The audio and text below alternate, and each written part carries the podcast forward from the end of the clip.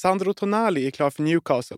Svenskbekantingen blir Premier Leagues äldsta tränare någonsin. I Italien satsar man på att utveckla VAR och därför betalar Barcelona fortfarande lön till Messi. Du lyssnar på Expressen Fotboll tisdagen den 4 juli med mig Wilhelm Edlund och Therese Strömberg.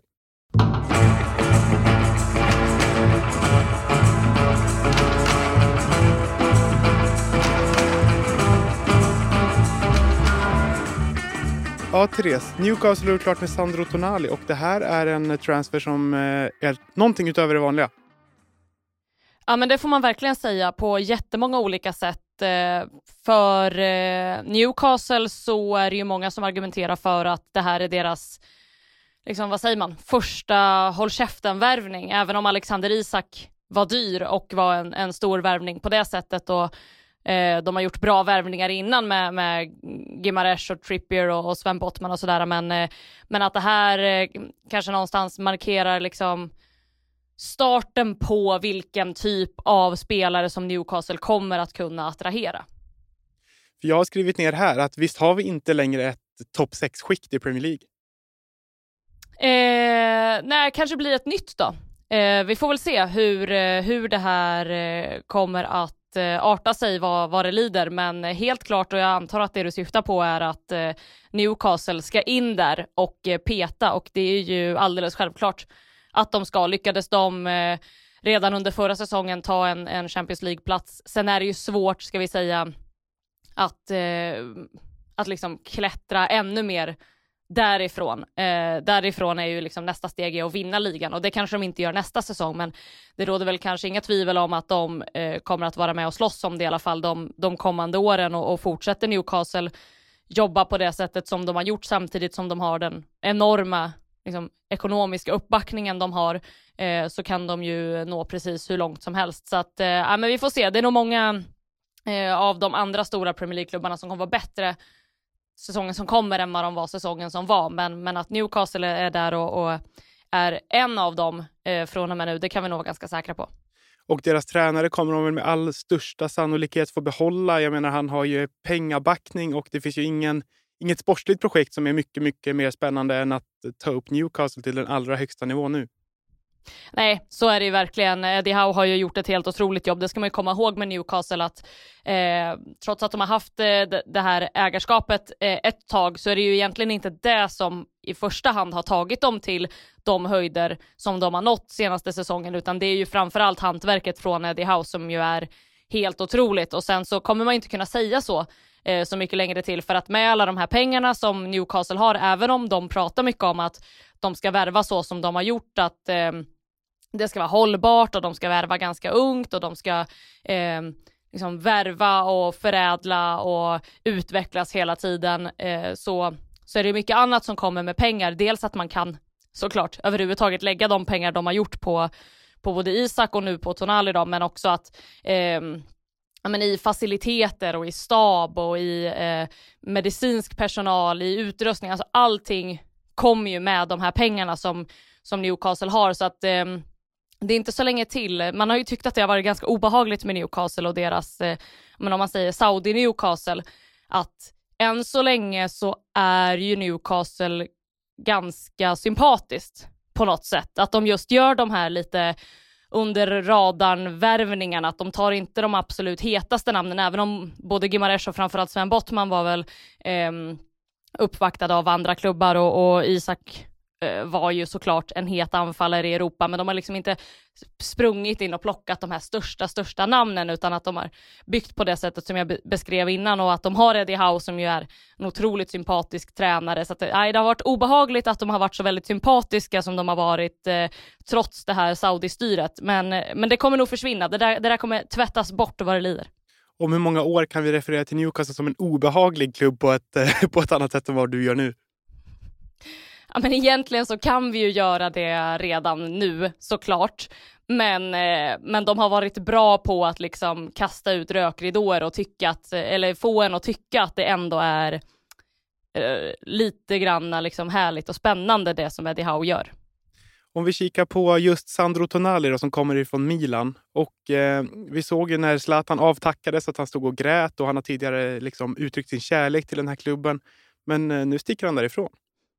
Ja, och det här har ju eh, rört upp känslor i eh, Milan-led. Vi ska komma ihåg också att, som du är inne på, att Zlatan eh, tackades av för bara några veckor sedan och Sandro Tonali som är liksom en, eh, inte på det sättet man bara säger, utan faktiskt på riktigt en liksom livslång milanista som fick möjligheten att spela i eh, klubben i sitt hjärta och till och med spela med en spelare som han uttryckte efter Zlatan-avtackningen, att han fick spela, liksom, när Zlatan var i Milan senast för tio år sedan så, så liksom var han supporter och det var hans största idol och nu har han fått spela med honom.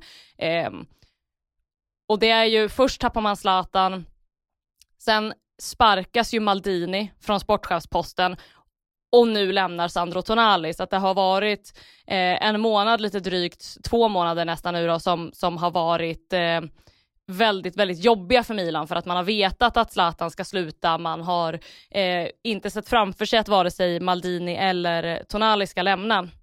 Eh, så att det, det, har ju rört upp känslor att man säljer en sån spelare och att man låter honom eh, lämna. Eh, det var ju initiala rapporter också om att han skulle ha brutit ihop i tårar när han fick reda på att han skulle säljas. Nu målas väl en lite annan bild av bland annat eh, eh The Athletic som väl har pratat med en massa insiderkällor och sådär att när Tonali fick höra om möjligheten att spela i Premier League och allt vad det innebär så var han ändå rätt så sugen själv på att ta det steget. Eh, så att lite svårt att veta exakt vad det är som stämmer men att det, att det runt om klubben har rört upp väldigt mycket känslor det råder i alla fall inga tvivel om.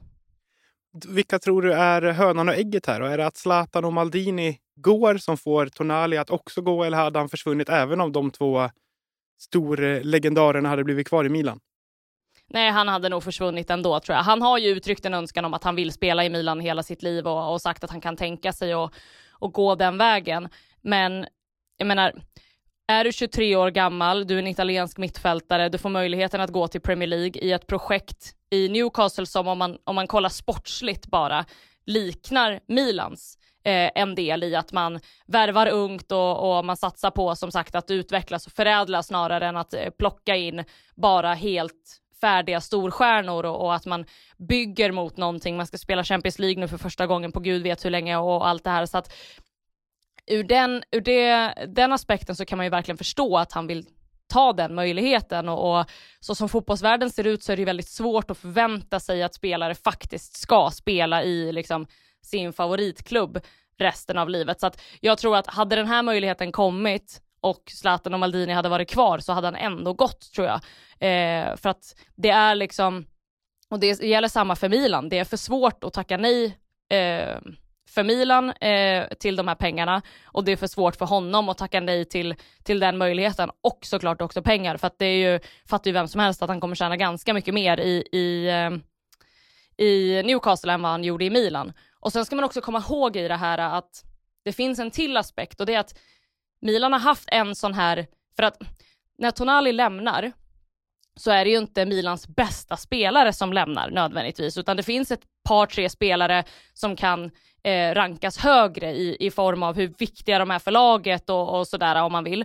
Eh, men det är ju en, eh, det är ju just den här personligheten och karaktären som, som försvinner och Milan hade en sån för några år sedan som försvann i Gianluigi Donnarumma, målvakten, eh, som också, han kom ju upp i Milan och så eh, spelade han eh, eh redan som 16-åring i Serie A och var, eh, var allt det här och var Milan på väldigt många sätt. Ehm, han försvann ju gratis till slut i en väldigt illa skött eh, eh, affär.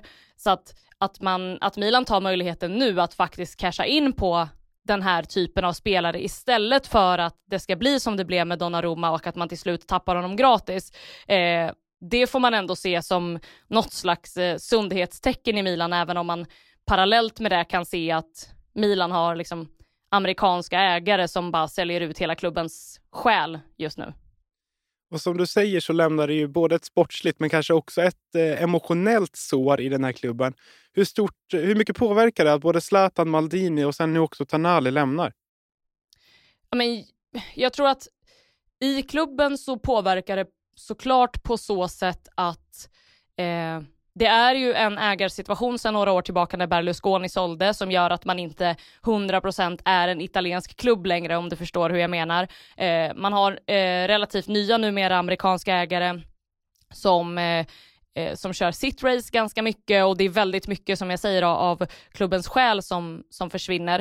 Eh, och det är klart att det kan påverka, framförallt Maldini tror jag kan påverka eh, dels spelare som vill komma till Milan men också spelare som, som vill stanna kvar i Milan och huruvida de fortfarande vill göra det eller inte. Så att eh, jag tror att det kan påverka väldigt mycket och även om Milan har en, man ska liksom inte eh, man ska inte måla upp liksom skräckscenario re, rent sportsligt för att Milan har gjort eh, senaste åren eh, en del bra värvningar. Man ersatte ju till exempel eh, Donnarumma på ett bra sätt med Mike Mignon. Det är ingen som, alltså det gick tre veckor och så var det ingen som tänkte på Donnarumma längre. Så att de där sakerna, de, de svalnar ju rätt fort, de där som är liksom starka emotionella reaktioner.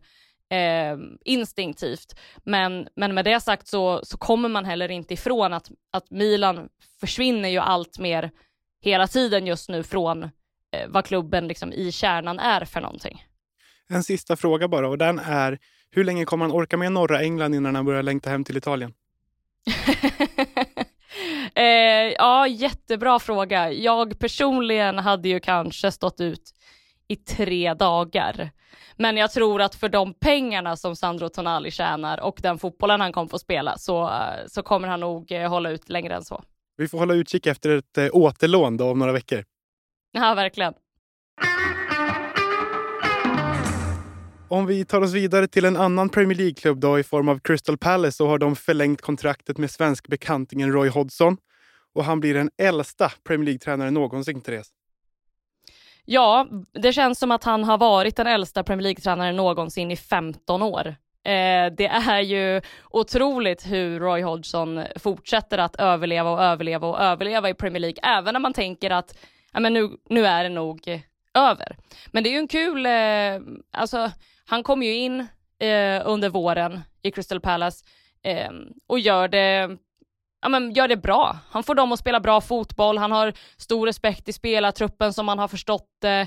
Ehm, Eh, han funkar ju uppenbarligen i, i Crystal Palace. Sen är det ju någonting helt annat att göra det om man säger i två månader och att göra det över en hel säsong såklart. Men här och nu så känns det ju som att han har varit deras eh, bästa alternativ, så varför inte? Kör, kör på och slå eh, fler rekord i 15 år till om att vara Premier Leagues äldste tränare någonsin. Vi återkommer till Roy om 15 år, är det det du menar? Så är det. Och eh, i Italien har man kommit på att man ska utveckla VAR och det ska man göra genom att eh, låta publiken lyssna på vad det är som sägs under VAR-granskningarna.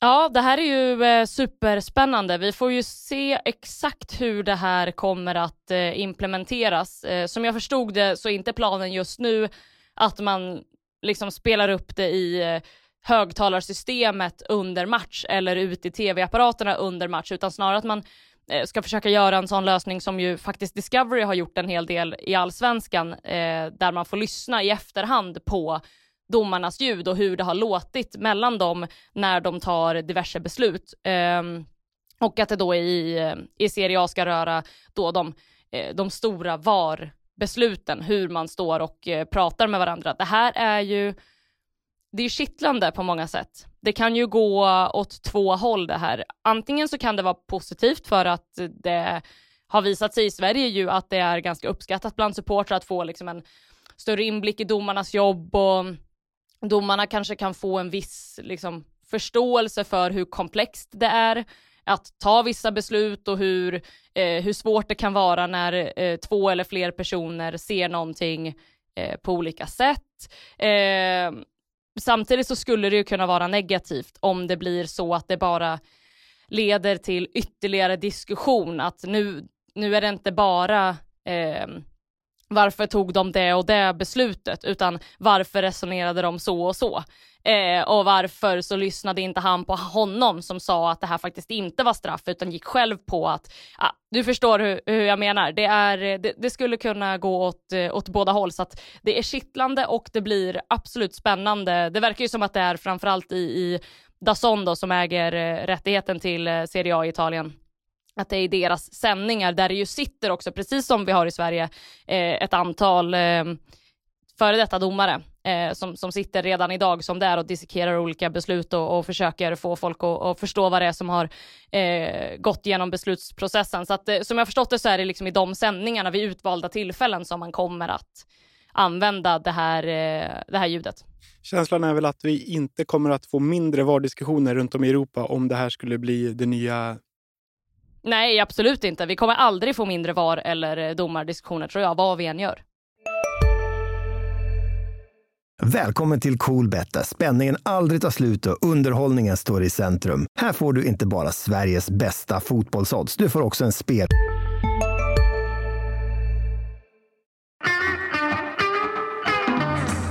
I Barcelona händer det också grejer för att Messi har tagit sitt flyttlass och flyttat till USA, men Barcelona är fortfarande skyldig pengar. Ja men vad är det Barcelona håller på med? Alltså hur, hur kan en klubb vara så otroligt misskött som Barcelona är. Det är, eh, du frågade mig innan vi började spela in här, alltså, förstår någon hur stora Barcelonas, eller hur stora deras ekonomiska problem är? Och jag sa det att jag tror att, jag tror att alla förstår att de har problem och att de är enormt stora, men ingen förstår riktigt vad det är och hur de planerar att lösa det. För att hela tiden när man tänker att ja, men nu har ju Barcelona gjort det här och det här för att minska på sina kostnader, då dyker en sån här grej upp. Till exempel att man är skyldig Messi en massa gamla löner från ja, men när han var kontrakterad då under pandemin framförallt var det ju som han och flera andra spelare gick med på att eh, eh, gå ner i lön eh, tillfälligt eh, för att det eh, skulle lätta på, på klubbens ansträngda ekonomi. Eh, och det här var då alltså i det avtalet så ingick ju att det var ju inte en permanent lönesänkning utan att det var som jag förstår det att man, det är pengar som man ska få vid ett senare tillfälle så man skulle hela tiden man skulle alltid få ut de pengarna som man har i sitt kontrakt, men bara inte just här och nu. Och eh, det här skedde ju under, eh, under förra presidenten Bartomeu, nu är det ju Laporta som är tillbaka som de flesta känner till. Eh, han har ju tidigare sagt för bara typ ett halvår sedan att nej men vi är inte skyldiga någon pengar och allting är kanon. Och nu går han ut och erkänner att jo, jo, vi ska betala Messi fram till 2025 gamla löner som han inte har fått än. Det är väl säkert, ska vi säga, fler klubbar som har den här typen av eh, utbetalningar stående till spel, för det var ju väldigt många över hela Europa som, som gjorde den här övningen, men i Barsas fall så blir det ju bara Aj, vilket, eh, vilket tunt, tunt eh, äggskal utan ägg i som den där klubben är. Det är ju bara att psh, så eh, bara imploderar den fullständigt. Vi får nog anledning att återkomma till den där omeletten senare i sommar. så är det absolut.